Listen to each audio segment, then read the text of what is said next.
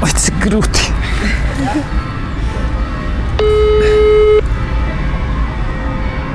Jo viņai sākotnēji, kad viņa aizbrauca, tad viņai bija Latvijas numurs un Vācijas numurs. Un tad es šo saglabāju kā Vācija. Tā, Tas ir Emīls. Vācijas Viņš mamma. sarunājas ar savu mammu. Es biju dievkalpojumā Anglikāņu baznīcā. Šonadēļ Rīgā notiek Praids, un, un šodien ir pēdējā diena.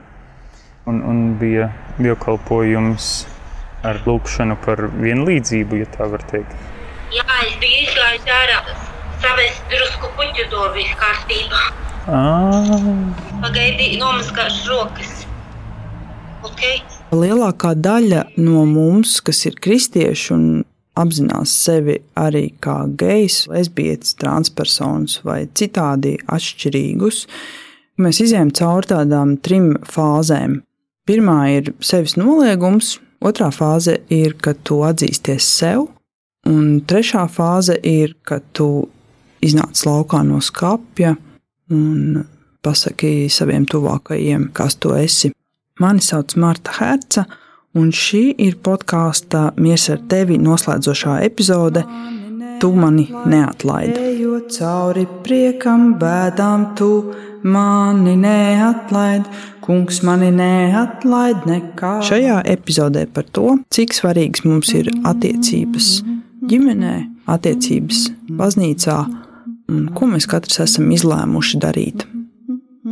Ņemot vērā to, ka tas nu, tāds nopietns jautājums vai varbūt emocionāls jautājums, tad, eh, ja tu vēlies, mēs varam arī lūgties pirms tam.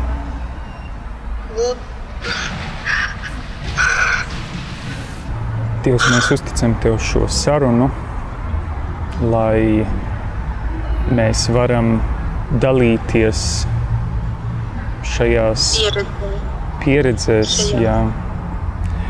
Un, uh, Izjūtās, sajūtās. Piedzīvotajā. Lai Tavs gars vada mūs un uh, mūsu sirdis, un savukārt vēlāk tiem, kuri klausīsies, lai tas ir kā iedvesmojums un gaisma tuneļa galā. Caur Jēzu Kristu mūsu kungu. Amen. Kā tu jūties, kad uh, saņēmi vēstuli, kad to lasīji, ko tu domāji? Protams, eh, visas vēstules laikā es raudāju, un uh, arī pēc tam loģiski. Un jau sākumā, protams, es sapratu to, ka tas ir mans bērns, un arī paliks mans bērns. Es saprotu to, ka man tas ir jāpieņem. Kā tas ir?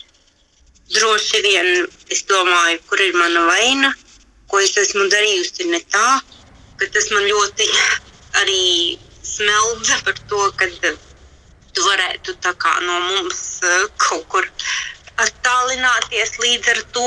Un, jā, vienalga es gribēju tevi atgriezt atpakaļ pie mums. Nu, un tagad es neesmu prom, neesmu no jums šķirts, bet esmu gejs. Kā ir tagad? Es to visu pieņemu. Katram mums ir sava dzīve. Protams, būtu labāk, varbūt, kad jā, es varbūt sagaidītu mazbērnus. Un... Vai tu skumsti par to, ka tev ir šāds dēls? Es par tevi vienmēr esmu priecājusies. Mani vairāk pārņem mm, šīs labās emocijas eh, par tevi, kā tu dzīvo. Un, jā, cik tālu tu esi uh, ticis. Paldies par to. Jā, paldies, ka tu esi mums te sāk apmākties. Mums tagad spīd saule. Es februārī uzrakstīju vēstuli arī tēvam, un, un, un viņš bija pēdējais cilvēks, kuram man par to bija jāpasaka, lai es būtu es pats. Jānobriest pašam, lai pateiktu un nosauktu to vārdā, atzītos pateiktu saviem ģimenes locekļiem, lai beigu beigās būtu tas, kas tu esi. Tev žēlastības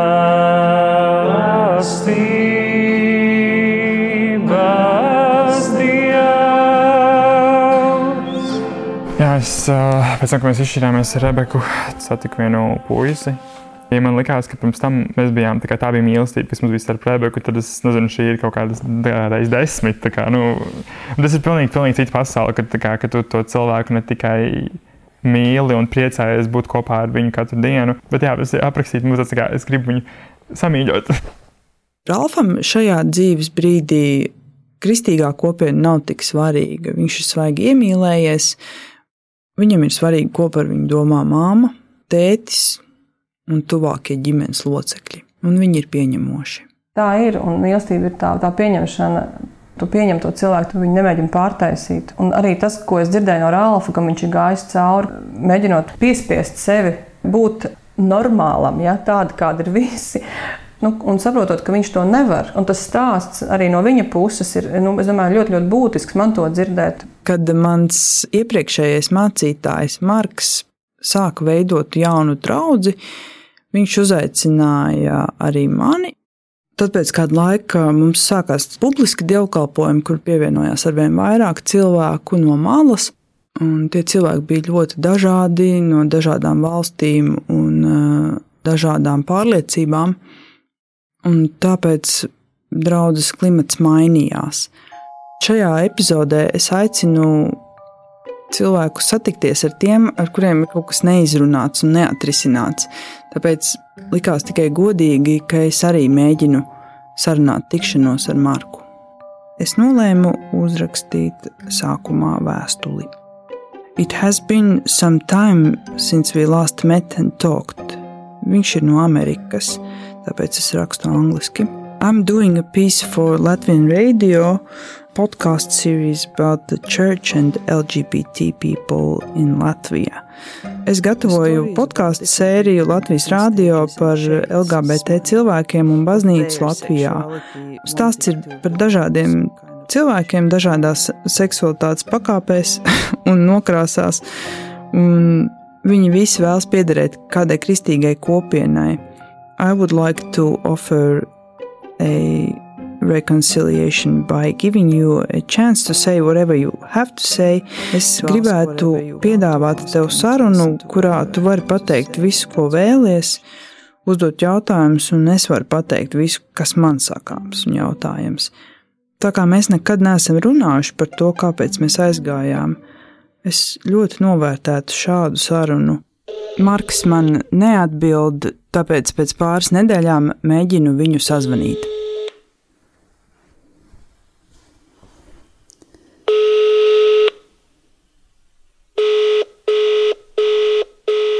Nu, varbūt nevar runāt. Piezvanīšu vēlāk. 19. gada jūnijā uzrakstīju Edgars Mažim. Sveiks, vai ir iespēja aizsūtīt jums stundu garu video un saņemt atsauksmi? Un Edgars atbildēja: Sūti aizsūtīju video ar nosaukumu Vai I changed my mind on homosexuality? Un Edgars atbildēja, Kādu atsauksmi tu vēlies? Manas domas par filmu vai par homoseksualitāti? Es rakstīju par abiem. Eh, Es cerēju, ka viņš atbildēs, un es vismaz zināšu viņa viedokli, jo gāju uz baznīcu, kurā viņš sludina. Bet eh, es nomierinājos pēc tā, un es biju mazliet priecīga, ka viņš neatbild un ir varbūt aizmirsis vispār, ka nezinu, darbdienas vidū viņam uzraksta. Es negribēju atkal iet prom no kādas draudzes. Lauras un Līzes piemērs ļoti labi parāda to nedrošību, kādā mēs esam. No vienas puses, mēs gribam zināt, ko mūsu mācītāji domā par mums un par mūsu attiecībām, bet no otras puses, mēs neesam gatavi to dzirdēt. Es vairākas reizes Lauru un Līzu mēģināju pierunāt satikties ar mācītāju Edgars Māži. Viņas atteicās, un tāpēc tikšanos ar mācītāju vajadzēja sarunāt man pašai. Mazliet jūtos kā klusajos telefonos. Es tiešām neatceros, kad tas ir bijis. Man uzreiz ir jāsaka, ka, ka nu, viņas nav manas draudzes loceklis. Tā ka es varētu teikt, ok, es uzreiz atceros. Tā kā man grūti komentēt šo. Ja viņas jautātu tev, ko tu domā par mūsu attiecībām, ko tu viņām mm -hmm. atbildētu? Nu, jā, tas man liekas, lielais jautājums ir, cik svarīgi viņām to ir zināt. Es uh, vēlos cienīt visus cilvēkus, neatkarīgi ne no viņu rases vai orientācijas, bet tai pašā laikā personīgi es stāvu uz, uz šo Bībeles modeli gan par laulību, gan par ģimeni. Mans uzdevums nav tiesāt un nosodīt, bet uh, es arī neatraidu šos cilvēkus, ka viņas nevarētu nākt šeit baznīcā. Šis ir jautājums, par kuru nav vērti runāt, un par kuru tāpēc arī mēs nerunājam. Kas varētu izraisīt šo runāšanu? Varbūt mēs kļūsim žēlsirdīgāki. Varbūt šobrīd šī žēlsirdība pietrūkst draudzēs un arī sabiedrībā. Mēģinu vēlreiz sazvanīt savu mācītāju Mārku.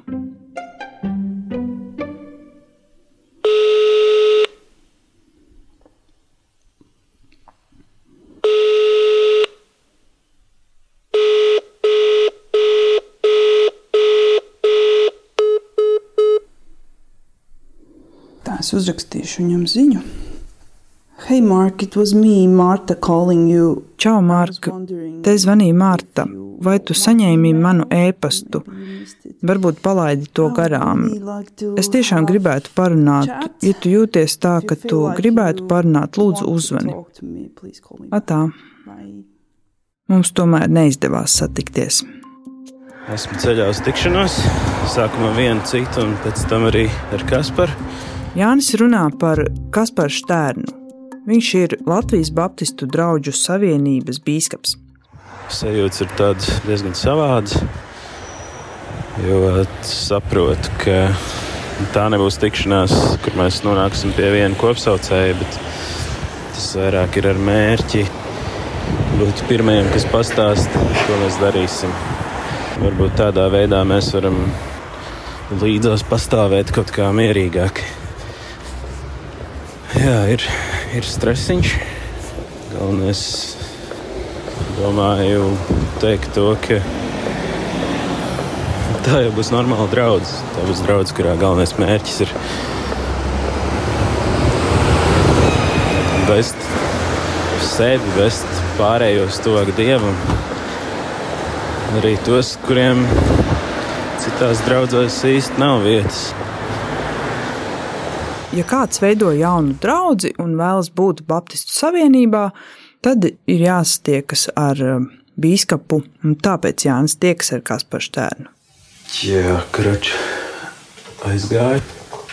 Tur sākumā tur tā parunājāmies, tāds catching up. Tur kā nu iet katram. Beigas viņa nebija satikts. Viņš ļoti acīm redzami saprata, kāda ir mana uzskata. Viņš jau nu, iespējams nojauta, uz ko tas vilks. Arī paprasīja, kā tur tajā praeitā dievkalpojumā gāja. Nu, tur bija cilvēki un tā. Jā, protams, runājām par to, ka Baptistu savienībā tā draudz nebūs. Palikām katrs pie saviem uzskatiem. Man liekas, ļoti tāda Nu, tāda cieņpilna tā saruna bija tāda, nu, ka. Es arī nolēmu satikties ar biskupu Kasparu Štērnu, lai saprastu, kāda tad ir baptistu kopīgā nostāja. Protams, ir kādi cilvēki, arī man zinām cilvēki, kas ir arī mūsu baptistu draugzēs, kas atzīst to, ka viņiem ir cita seksuāla orientācija.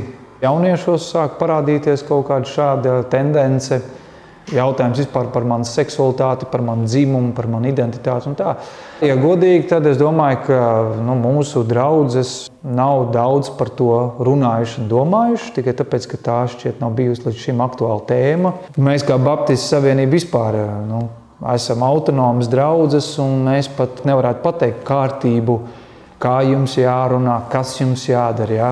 Mēs varam pateikt par garīdzniekiem. Jā. Ja tu esi ordināts garīdznieks un ja tu pārkāpji mūsu nolikuma principus, mūsu ticības kredo, tad tu tiec atstādināts vai, vai uz pārbaudas laiku tiek paņemts projām. Bet šis, es domāju, ir tāds pilnīgi jauns izaicinājums, pārbaudījums priekš mums.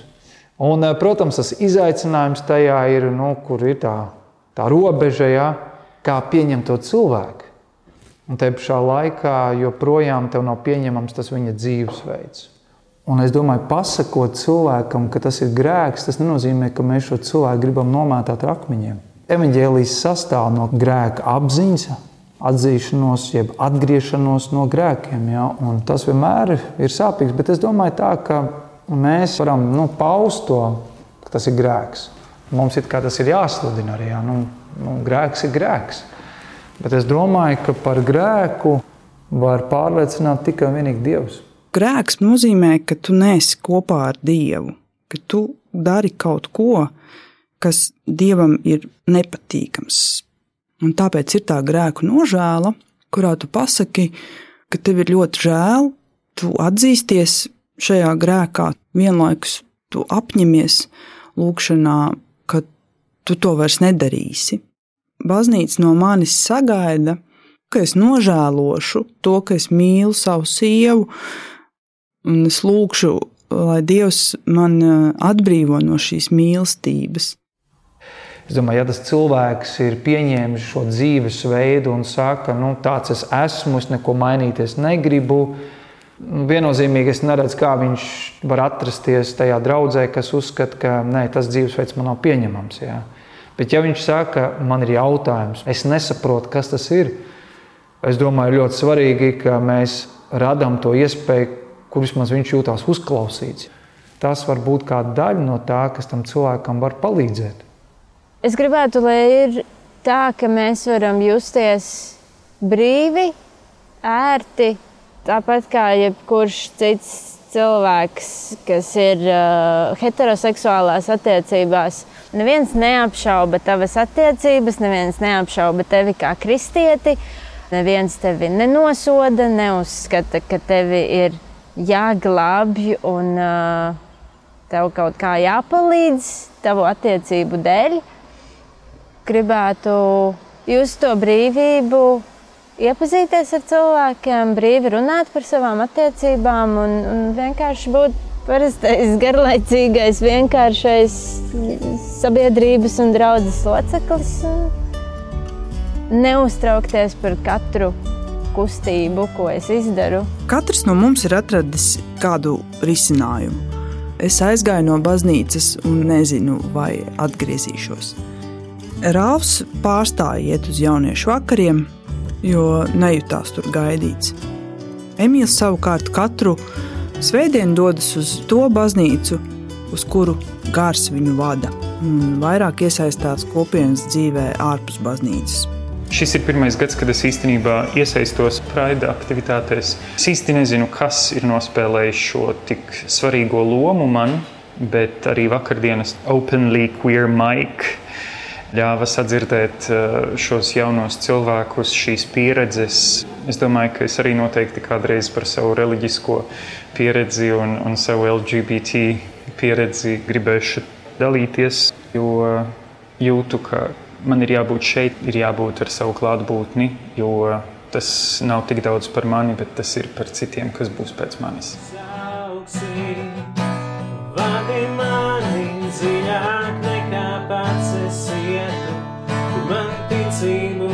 celsi, savā tuvumā mans glābēji. Jānis veido jaunu baznīcu. Tā ir pievienojušās arī Laura un Līza. Viņas plāno nākamgad arī apprecēties, un šī ir baznīca, kurā viņas salauzās. Bildināju uz terases uh, mūsu mīļākajā bāriņā. Biju uzrakstījis vēstuli, jo zināju, ka neko nevarēšu pateikt. Tad bija jā. jā. jā, un, un es jau biju izdomājis ļoti skaisti. Es, um, es lūdzu viņas tēti un mammas ro, nu, viņiem rokas, ro, roku, abas rokas. Visas rokas. Uh. Es tagad darīšu kaut ko ļoti jocīgu. es gribētu noslēgt šo podkāstu ar lūgšanu. Tā mēs kristieši darām, mēs lūdzam. Dažreiz mēs lūdzam, lai pateiktu kaut ko dievam, bet dažreiz mēs lūdzam, lai pateiktu kaut ko viens otram.